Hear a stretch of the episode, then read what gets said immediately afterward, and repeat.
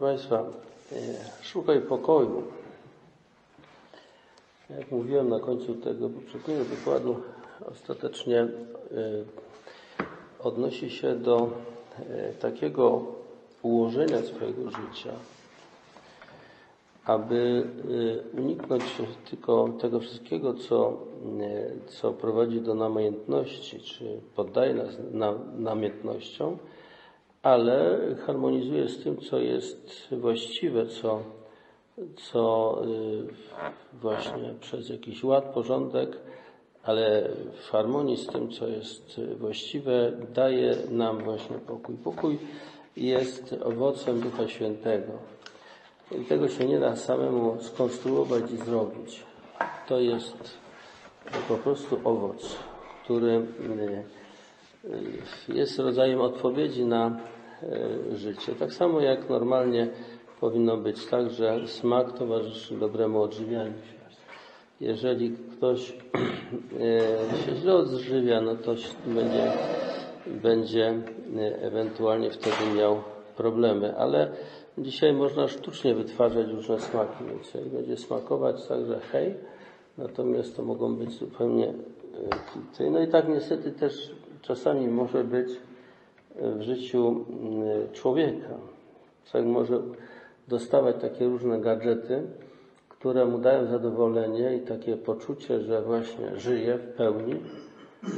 Tylko wcześniej czy później się okaże, że to jest wszystko kit. Wcześniej czy później to y, nie wytrzyma próby czasu po prostu. Nie ma takiej możliwości. Co jednak konkretnie znaczy to szukanie pokoju takiej zwykłej codzienności. Y, pokój prawdziwy jest zawsze mm, przejawem działania Ducha Świętego, czy Jego obecności w naszym życiu. Czyli udziale jest y, przejawem udziału w prawdziwym życiu. Nie da się tego y, życia prawdziwego sobie, tak powiem, skonstruować według dowolnych pomysłów, własnych pomysłów fantazji. Niestety mm, y, dzisiejsza Europa jakoś idzie w tym kierunku, że próbuje sama y, sobie skonstruować prawa rządzące życiem człowieka. Deklaruje, co zmienia te y, zasadnicze prawa odnoszące się do życia. No i ustala się, że to tak teraz ma być i to, takie to jest. I już. Oczywiście można takie rzeczy robić, proszę bardzo, tylko ta zabawa kosztuje ostatecznie no, tragedię. Wcześniej czy później przyniesie tragedię. To nie, nie może być inaczej, dlatego że prawa, które rządzą życiem człowieka, one są odwieczne, są stałe. Człowiek się nie zmienił od czasów, i to antropolodzy mówią, badacze religii na przykład także mówią, że człowiek się właściwie tam kilkudziesięciu tysięcy lat nie zmienił zasadniczo. Oczywiście się zmieniła cywilizacja, technika, e, możliwości i tak dalej, ale człowiek jako taki się nie zmienił. Dla nas cały czas będą aktualne te różne dramaty, czy literatura, która była napisana kilka tysięcy lat nawet temu i będziemy się odnajdywać w tych, w tych scenach, tych sytuacjach doskonale rozumiemy tych ludzi, dlatego że my jesteśmy tacy sami jak oni de facto. Oczywiście mówię, no zmienia się cała taka otoczka tego wszystkiego. I właściwie teraz szukanie pokoju nie, wiąże się z tym y, przyjęciem, uznaniem tych zasad. Natomiast, y, proszę Państwa, tutaj muszę powiedzieć o, o czymś niesamowicie mocnym właśnie, takim to, co nazywam myśleniem życzeniowym. U nas ono ma ogromną siłę. Myślenie życzeniowe. To jest duży temat. Mówiłem, że człowiek tak naprawdę najbardziej pragnie nie życia, czy miłości, czy szczęścia, tylko najbardziej pragnie, żeby było tak, jak on chce, żeby było. I w imię tego, żeby było tak, jak on chce, żeby było, tak sobie wyobraża, tak sobie myśli, jest w stanie zniszczyć swoje życie, swoich najbliższych. Tak, tak się dzieje, to są fakty, ja mówię o faktach. Mówiłem o rozwodach, mówiłem w związku z rozwodami, jest nieszczęście dzieci. E, Tutaj to się przenosi potem na pokolenia, ta cała, e, e, powiedzmy to nieuporządkowanie, awantury powoduje zranienie u dzieci, potem to się przenosi dalej. To jest coś fatalnego. Gdyby człowiek sobie zdawał sprawę, co do jakiego stopnia jest głupi w tym swoim działaniu, to przecież takich rzeczy nie robił. Natomiast właśnie to moje lepsze i to takie forsowanie swojego, no to jest coś potwornego. To dochodzi do, proszę Państwa, autentycznie dochodzi do takich sytuacji, że ja już byłem w takiej sytuacji, że, że jak mówię, no 2 plus 2 jest 4. To tylko Twój pogląd. Doszedłem do, takiej, do, takiej, do takiego poziomu dyskusji i naprawdę wtedy już no nie ma w ogóle rozmowy. Nie ma po prostu, nie ma takiej możliwości. Proszę zobaczyć, jak to jest często, na przykład ta postawa charakterystyczna u nas, postawa roszczeniowa. No, ona polega na tym, że nam się należy. Nam się należy.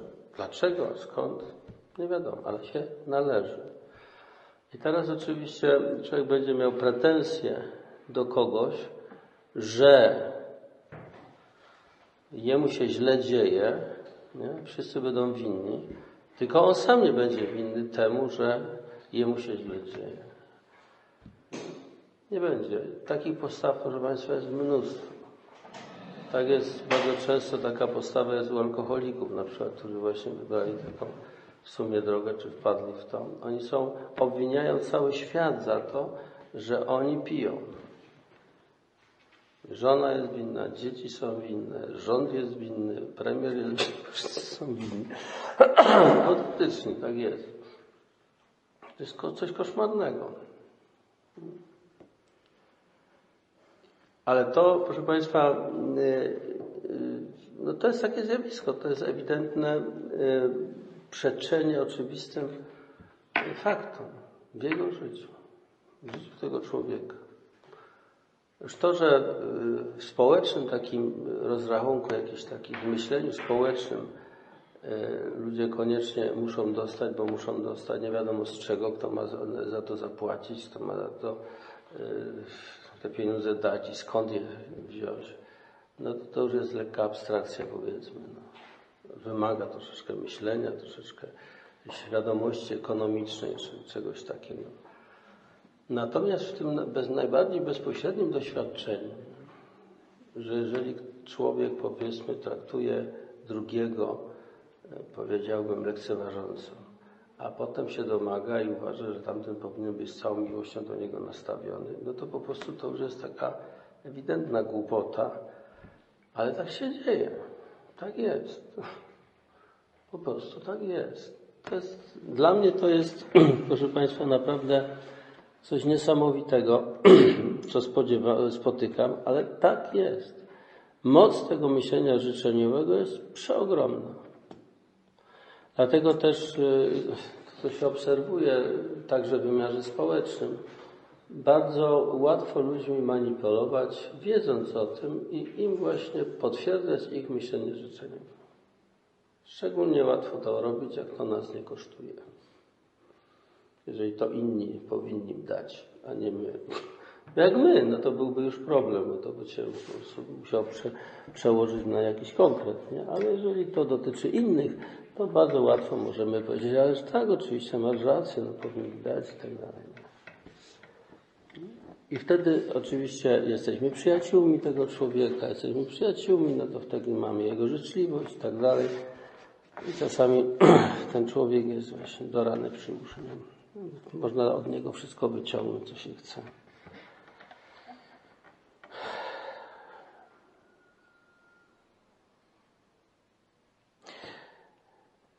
To jest jeszcze o tyle, proszę Państwa, fatalne, że to myślenie życzeniowe jest de facto wspierane i jest, model, jest takim modelem, bo, bo tak już kiedyś wspomniałem tutaj, młodych ludzi się pyta, dzieci właściwie się pyta, a kim chcesz być, co chcesz osiągnąć w życiu, e, miej marzenia, miej wyobrażenia i realizuj je. I jak będziesz je realizował, to będziesz szczęśliwy. No. Niedawno miałem spotkanie z przyjaciółmi jeszcze ze studiów. No i taka refleksja jednego z tych moich przyjaciół mówi, wiesz, no, że jeszcze był młody i, i chciał właśnie, mówię już o studentach, nie o dzieciach, nie? I też miał swoje marzenia, pragnienia i modlił, żeby się spełniły, a dzisiaj Bogu dziękuję, że się nie spełniły, że się poszło zupełnie inaczej. Autentycznie. No i po prostu właśnie. No. A my sobie nadal z uporem maniaka życzymy spełnienia wszystkich marzeń. Więc po prostu życzymy sobie głupoty nawzajem. Ale no tak jest, taka tradycja. No właśnie, ale to na, na tej bazie, że właśnie jakby miarą szczęścia jest spełnienie marzeń. Miarą szczęścia jest spełnienie marzeń. E, dalej, proszę Państwa, e, szukanie pokoju można pomylić ze szukaniem spokoju. Pan Dulski też szukał spokoju. I kupował ten spokój. Ale to naprawdę nie jest spokój, proszę Państwa. Nie. Spokój y, kojarzy się z takim brakiem, poczuciem bezpieczeństwa i brakiem y, jakichś napięć psychicznych, jakichś, y, znaczy właściwie kojarzy się z, z pewnym psychicznym komfortem. I proszę bardzo, proszę Państwa, dzisiaj są całe szkoły psychologiczne, które, które oferują metody, ćwiczenia, praktyki, które dają komfort psychiczny. Jest to oderwane od tego, jak człowiek żyje, co robi, e, jakie są jego wybory, jak się zachowuje w stosunku do innych. Tego się w ogóle nie bierze pod uwagę. To osobna sprawa. Chodzi o takie ćwiczenia, które nam zapewniają komfort psychiczny, że się dobrze czujemy, niezależnie od tego, co robimy. Proszę bardzo, zakład świadczy usługi dla ludności. Więc robi się też takie E, takie ćwiczenia, i które mają zapewnić. Oczywiście mogą zapewniać, a nawet są nawet takie używki, które zapewniają ten spokój na jakiś czas, no, ale na jakiś czas. Finalny efekt i tak będzie fatalny, bo będzie związany z jakimś bezsensem. Wcześniej czy później to wyjdzie.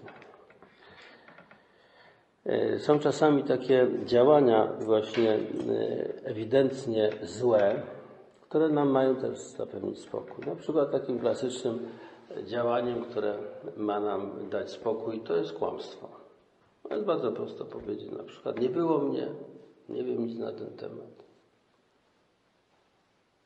W porządku, jedno krótkie zdanie i już mi nikt nie zawraca głowy. Proszę bardzo. Ale tam jeden sobie myśli, jak to przecież ja to widziałem. Nie, I się zaczyna problem. Albo ktoś mnie widział, albo jakieś zdjęcie jest, czy coś. Rozumiecie? Różnie tam może się zdarzyć. No i wtedy, i wtedy co? Gramy dalej? Kłamstwo pociąga za sobą następne kłamstwo. I małe kłamstwo pociąga za sobą całą lawinę kłamstwa. I to, co miało dawać spokój, staje się jednym wielkim problemem. Bo im bardziej w las, tym więcej drzew. I tak jest, proszę Państwa, jak są jakieś, wybuchają jakieś afery, jakieś sensacje takie, nie? No to już to jest zarządzanie kryzysowe. I tutaj już wyraźnie się mówi o tym. Trzeba po prostu się przyznać do tego, co było złe, wyraźnie to powiedzieć, potwierdzić, przeprosić. I potem dopiero można cokolwiek działać. Jeżeli człowiek tego nie zrobi i idzie, i idzie w zaparte, a są takie przypadki w tej przestrzeni publicznej, nie? Mamy takie przypadki, że niektórzy idą w zaparte. No i udowadniają, że czarne jest białe, a białe jest czarne. I proszę bardzo, i wtedy koło tego się ciągle na, nawarstwia, coraz więcej jest gadania, coraz więcej takiego, e, takiego właśnie szumu. Kiedy człowiek się przyzna do czegoś, no to się okazuje, kończy się sprawa. Ja miałem tu kiedyś takiego y, człowieka, który y, ja prowadzę także warsztaty zarządzania. Mówię o duchowości lidera. No i był taki człowiek, który miał y, masarnię i ileś tam jakieś tam pewnie zakłady mięsne i, i do tego jeszcze jakieś sklepy mięsne. No i była kiedyś taka afera u nas, że to coś, jakąś koninę tam y, zamiast coś innego w tych masarniach było i to w gazetach była taka sensacja, nie, koło tego, no i oczywiście dziennikarze węszyli i tak dalej. No i on też zaprosił jakichś dziennikarzy do siebie i tam pokazywał jak to jest. No mówi jak to jest, no przychodzi, tak po kolei pokazuje. Przychodzą jakieś tam, bo on dostaje produkt, nie, dostaje zabite zwierzę, nie, nie, nie ma rzeźni u siebie, tylko ma zakład mięsny, który przerabia. No i pokazuje im to, ja pokazuję, pokazuję i zniknęli tym momencie. Bo to wszystko pokazało, jak to się dzieje, po prostu tak w całej otwartości, no i, i oni tam nie czuli żadnego, y, wiecie, y, żadnej sensacji. I, i podziękowali, poszli, było cisza. No bo to jest nieciekawe. No. No i już, stało się nieciekawe już. Otóż, proszę Państwa, to jest właśnie, Kiełc Tischner kiedyś bardzo tak pięknie powiedział, nic tak nie chroni jak prawda. Nic tak człowieka nie chroni jak prawda. Bo człowiek wtedy nie musi się bronić, nie musi się tłumaczyć. Koniec. Nic tak człowieka nie chroni jak prawda.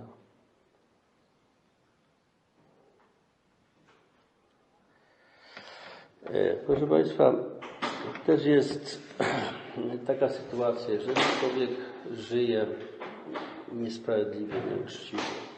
Na przykład, jeżeli się e, jest taka sytuacja, na przykład też znowu ostatnio rozmawiałem ze znajomym, opowiada o swoich dziadkach. Mój dziadek opowiada, jak to było przed wojną w Polsce. To akurat tam na, wsi mieszkali. No i pan dziedzic, pan dziedzic sobie kazał przychodzić zawsze rano o siódmej e, e, ojcom rodziny z, z najstarszym synem był obrzęd całowania go w rękę.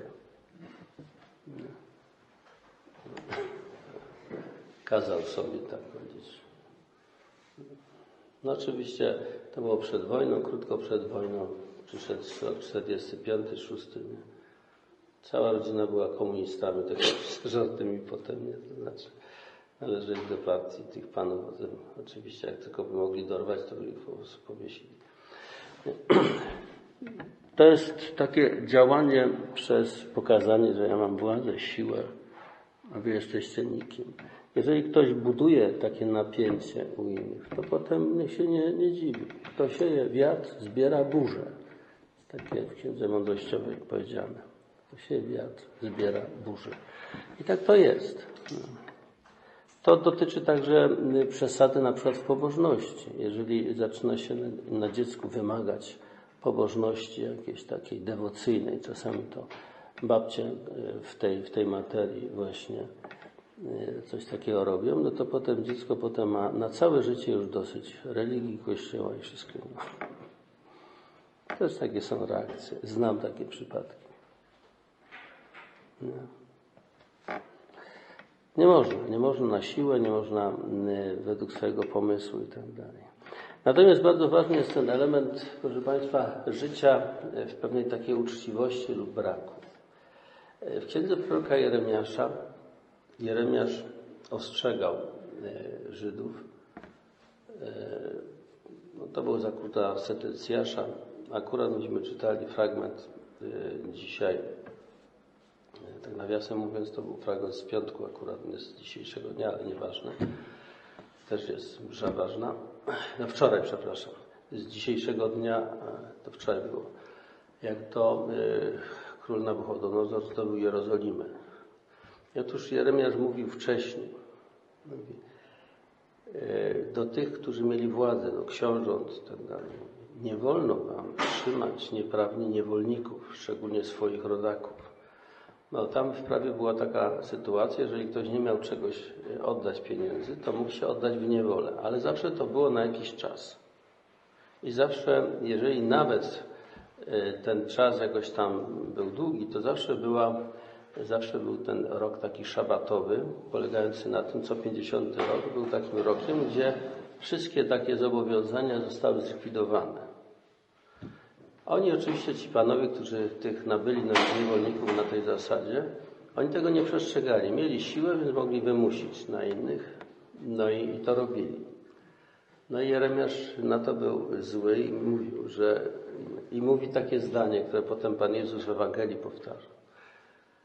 Nie myślcie, że świątynia pańska jest dla was jaskinią, jak jaskinia zbójców, czyli waszą siedzibą, w której mo możecie mieć bezpieczeństwo, w której sobie możecie grasować i robić co chcemy. Nie powtarzajcie świątynia pańska, świątynia pańska. Bo oni uważali, jeżeli oni są wyznawcami jedynego Boga, Boga nieba i ziemi, najpotężniejszego Boga, no to żaden Nabuchodonozor i tak dalej nie będzie w stanie zdobyć Jerozolimy i świątyni pańskiej, no bo tu jest świątynia pańska, tu jest Pan Bóg i go chroni. Mówi, nie, nie, nie sądźcie tak. Dlatego, że Bóg nie będzie miał litości nad tymi, którzy postępują niesprawiedliwie. I Pan Jezus to samo powtórzył.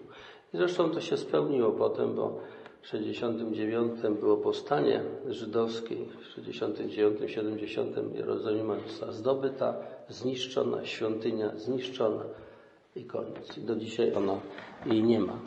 Na tym miejscu są inne meczety w tej chwili. Nie. No i to dla Żydów jest taka, taka kamieniobrazek. Na terenie świątyni jest meczet. Nie? Ale nieważne. W każdym razie chodzi o taką rzecz, że Bóg nie toleruje tutaj żadnych jakichś tam, nie ma jakichś magicznych miejsc, magicznych jakichś przestrzeni, które nam dają bezpieczeństwo, niezależnie od tego, co byśmy nie robili. Otóż nie ma czegoś takiego. Jeżeli człowiek nie respektuje praw, które dotyczą jego życia, nie ma względu na osobę, nie ma zmiłu. Nie ma y, w relacji do Boga żadnej y, takiej, nie, ma, nie można postępować w sposób taki, no coś za coś mówiliśmy, handlowy, polityczny i tak dalej. Nie, nie da się u, u Boga niczego uhandlować, załatwić i tak dalej. Y, prawem, życiem człowieka rządzą bardzo ścisłe prawa egzystencjalne, dotyczące egzystencji, w której jednym z wymiarów jest moralność. Jeżeli człowiek te prawa przekracza, no to się nie dziwi, że jego życie zostanie w jakiś sposób zniszczone. Nie wiem, czy Państwo pamiętają ten film e, Kieślowskiego Dekalog, te 10 odcinków, jeden z takich. On w 80 latach był uznany za chyba drugi film dekady w Europie. Dekalog Kieślowskiego. No i on tam jakby omawia tak na, na przykładzie tych, przy, tych przykazań dekalogu, daje takie nowele filmowe, których jakby pokazuje załamanie tego prawa i jakie są skutki w jaki sposób one się mszczą na człowieku. To jest właśnie taki przykład. Są dramaty, tragedie, na przykład Macbeta Państwo znają, czy innych, inne dramaty Szekspira, pokazujące, jak człowiek złamał pewną prawę moralną po to, żeby osiągnąć coś, albo na przykład zbrodnia i kara Dostojewskiego, też człowiek łamie coś i to się mści. I to powoduje, że ten człowiek nie ma w sobie pokoju, i go nie, nie może mieć. Póki nie wyzna swojego grzechu, swojego grzechu, nie przyjmie pokuty, kary za to, nie osiągnie spokoju. No tak to jest. Po prostu tak to działa. To jest. I teraz to szukanie pokoju musi się wiązać z respektowaniem tych podstawowych praw rządzących człowiekiem. E, praw e, związanych z jego życiem. I to na wszystkich, we wszystkich wymiarach, poczynając od biologii, od psychiki, moralności, także od w ogóle egzystencji. Jeżeli człowiek żyje wbrew prawu, który rządzi jego życiem, to oczywiście skutek będzie tragiczny. To można od strony biologicznej najlepiej widać, bo jeżeli człowiek na przykład się tutaj takie są przykłady, na przykład spalenie papierosów. Nikotynizuje, ale zawsze ci, którzy palą papierosy, wskazują na takich, którzy palą papierosy, mają 90 lat i się dobrze mają. Okej. Okay. Tylko, że, że po prostu organizmy są różne. Ktoś ma organizm bardzo mocny, a ktoś ma słaby. W każdym razie, chyba w Australii mówili, pani może wiedzieć, jakiś jest taki, taki licznik, czy, który wyświeca, tak, ten dług publiczny się wyświeca, tak się wyświetla, ile ludzi zmarło na raka płuc, z tego, z tego tam coś około 90% to są ludzie, którzy palą papierosy. Nie, więc jeżeli to jest 90% palących papierosy, no to ta statystyka, co chciałby, chciał, nie chciał, coś mówi. Po prostu ona mówi coś wyraźnego. To samo dotyczy wszystkich innych rzeczy nie? związanych z jedzeniem, odżywianiem się, sposobem życia. I teraz proszę Państwa, proszę zobaczyć, bo jeżeli byśmy wzięli nawet pod uwagę jedzenie, to tutaj, tutaj działa taki mechanizm pewnej pokusy, bo jedzenie jest czymś koniecznym dla naszego życia. Jeżeli człowiek nie będzie się odżywiał, no to umrze z głodu. I to jest mocno zakodowane w naszym organizmie. I teraz, proszę Państwa, to, co jest tak bardzo naturalne i oczywiste, niestety jest też przedmiotem pokusy. Ewagriusz Pontu nazywa to obżarstwem, ale to nie chodzi o obżarstwo w sensie takim, jak my je rozumiemy. Mianowicie chodzi o taką rzecz, że człowiek boi się, że jeżeli nie zje, no to zasłabnie. A jak dłużej nie będzie jadł na przykład, jeżeli zaczniemy komuś mówić o poście, no to już się chwyta za głowę, że za chwilę go będzie głowa bolała. Nie. Będzie słaby, osłabnie, nie będzie mógł coś robić, a może zachoruje, a w końcu może i umrzeć. I włączy się lęk. Oczywiście trzeba jeść, ale jednocześnie w tym jedzeniu trzeba, yy, trzeba mieć jakiś umiar, jakąś właściwą miarę. I to, co jest yy, naturalne, yy, ma jakieś prawa i zasady. Jeżeli się te zasady, powiedzmy, żywienia załamie, no to to ma swoje fatalne skutki. To nie chodzi o to, żeby w ogóle nie jeść, tylko chodzi o to, żeby jeść tak, jak trzeba, według jakichś odpowiednich zasad. Niestety, proszę Państwa, te, jeżeli chodzi o diety i te różne pomysły na ten temat, to ich jest tak dużo, tak różnych i żeby było dowcipnie, jeszcze są sprzeczne między sobą. No i bądź mądry, pisz wiersze. Ja po prostu naprawdę nie podejmuję się tego. Myślę, że tutaj sprawa jest dosyć różnorodna w zależności od człowieka, jego. Mamy jednak trochę inne organizmy, tak trzeba w skrócie powiedzieć, no, ale to zostawmy. Niemniej ja obserwuję często, my, my tutaj prowadzimy, proszę Państwa, rekolekcję z postem.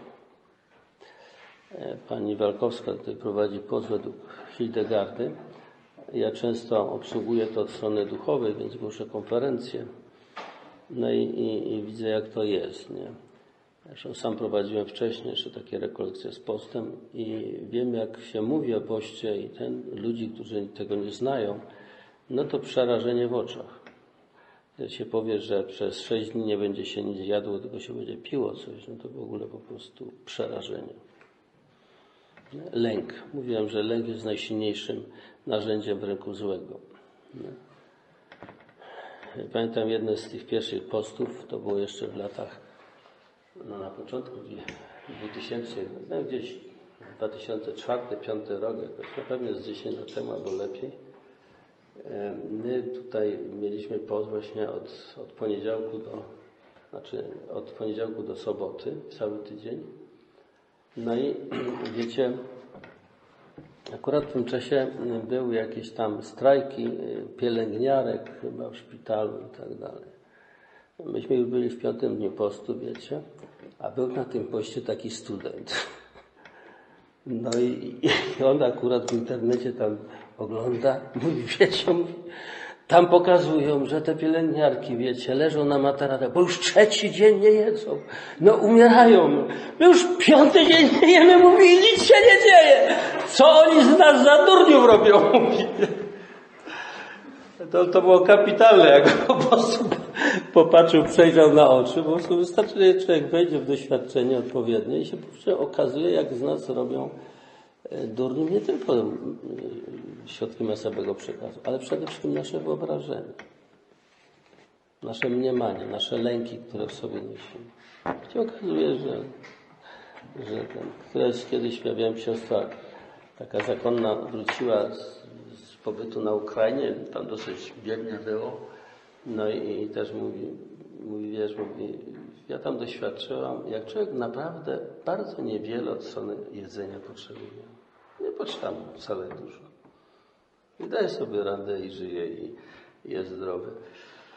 A do czego po prostu tego doświadczę? Natomiast zwracam uwagę na to, że tak naj, ta jedna z najbardziej naturalnych rzeczy, jaka u nas jest, jest konieczna do życia. Jedzenie.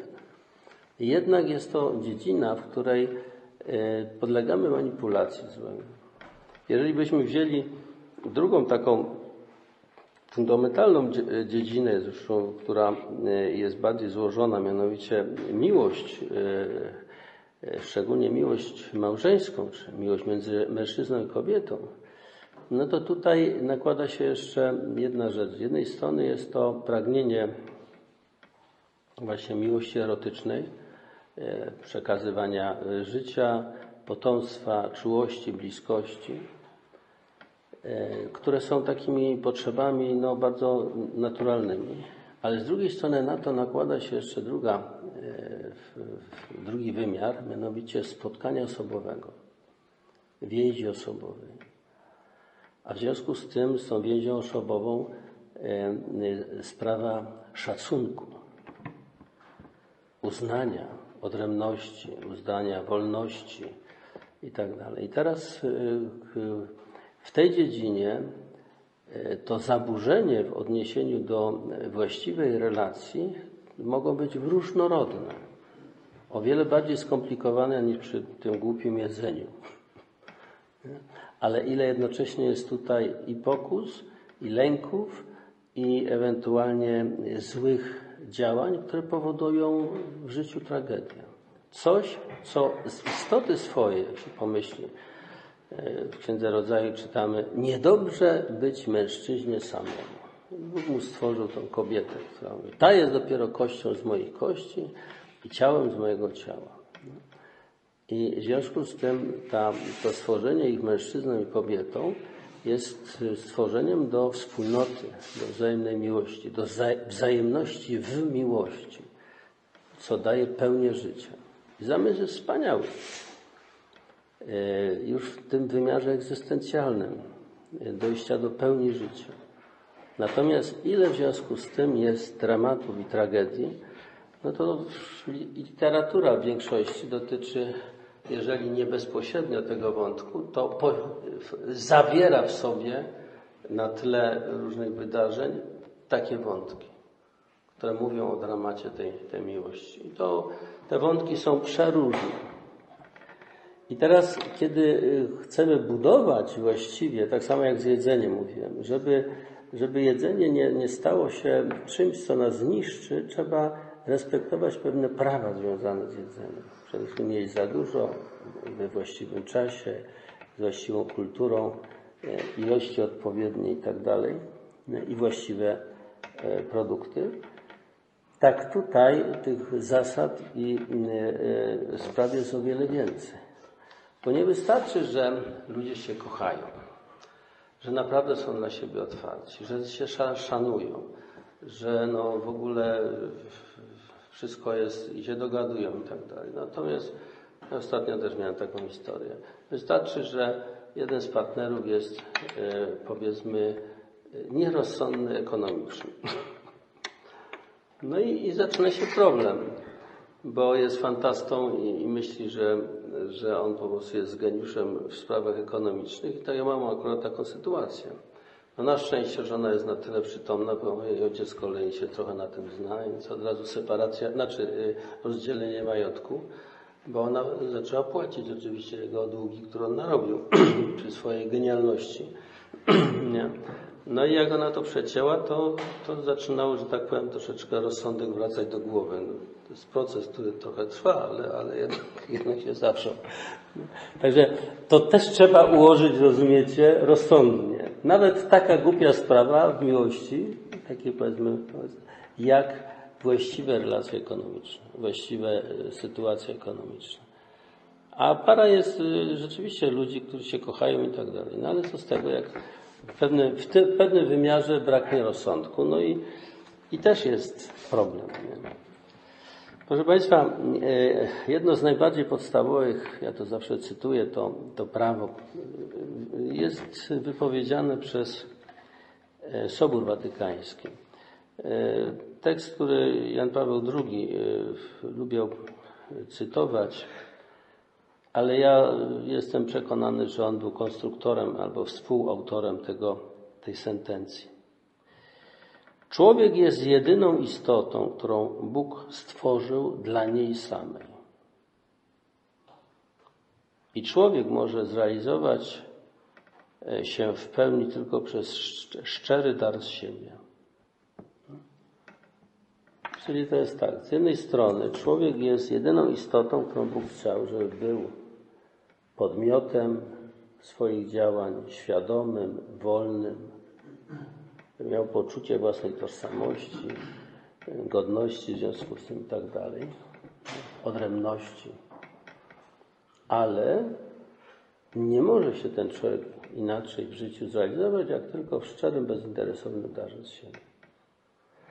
I ta zasada, proszę Państwa, jest fundamentalna właśnie szczególnie w, w relacjach y, y, miłości, szczególnie w, w relacji w rodzinie.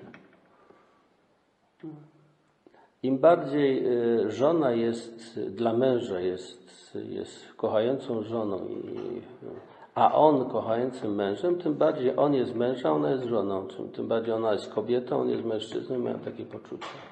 I realizują siebie, realizując miłość, realizują jednocześnie wzajemnie szczęście. Tak to wygląda. To samo, jeżeli chodzi o matkę w stosunku do dziecka, ojca w stosunku do dziecka, czy, czy to samo trzeba przenieść także na relacje na przykład nauczyciela do uczniów, e, dyrektora do, do, do pracowników i tak. Tutaj także są e, zasady miłości, tyle że ta miłość jest inna. Bo miłość na przykład E, sąsiada, to jest szacunek, pomocniczość jakaś tak. To jest co innego niż miłość do brata, siostry, a tym bardziej do żony. Nie? Zupełnie inny rodzaj miłości, ale za każdym razem chodzi o, o miłość. I za każdym razem w tej miłości musi się zawierać szacunek, uznanie odrębności, podmiotowości itd. Tak I za każdym razem musi być takie, powiedziałbym, wychylenie w stosunku do drugiego, z taką chęcią ewentualnej pomocy dla niego.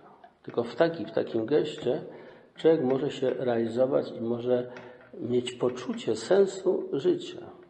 Jeżeli nie ma dla kogo żyć, to też nie ma po co żyć. Takie powiedzenie. Jeżeli człowiek nie ma dla kogo żyć, to też nie ma po co żyć. No. To w każdym życiu się musi realizować. Oczywiście realizuje się na, na różny sposób, nie tylko w życiu małżeńskim. Zresztą w życiu małżeńskim też to się, tak powiem, zmienia, no bo jak dzieci wyfruwają z gniazda, to potem jest taki często syndrom pustego gniazda. Nie. No, szczególnie jak dzieci wyfruną zbyt daleko, na przykład do Australii. To syndrom opuszczonego gniazda jest taki bardzo namacalny i widać, jak e, człowiek jednak jest powołany do czegoś więcej niż tylko do tej miłości takiej, powiedziałbym, namacalnej, bliskiej, konkretnej, tak, jest rodziców do dzieci i, I, I to po prostu widać, że to jest jednak powołanie pewnym momencie, nawet w małżeństwie, okazuje się, że to powołanie do miłości e, innych, szczególnie jeszcze jak ktoś zostanie wdową czy wdowcem, nie? wychodzi i jest dalej konieczna realizacja siebie w miłości. Jak się taki człowiek zamknie w sobie i zacznie być zgryźliwy i złośliwy, no to po prostu no to ja serdecznie przepraszam, dzięki za współpracę. No, ten człowiek musi także się realizować w miłości, nie mając ani dzieci koło siebie, ani, ani męża, męża na przykład, czy żony, no bo odeszli już, nie? albo ich nie ma po prostu. Też musi się stać, stawać sobą w tych warunkach. Także to się zmienia i u, u podstaw zawsze jest ta zasada. Szczery, bezinteresowny dar siebie. Tylko taki szczery, bezinteresowny dar siebie daje człowiekowi możliwość realizowania siebie. I to jest taka naprawdę absolutnie fundamentalna zasada. Absolutnie fundamentalna zasada. Drugą, która tutaj y, wyszła, to jest, to jest otwartość na prawdę w tym wymiarze egzystencjalnym, czyli pokorę. Pokora jest tam prawdą, otwarciem się na prawdę w wymiarze egzystencjalnym. Żebym umiał przyjąć siebie takim, jakim jestem, a nie starał się być takim, jakim nie jestem.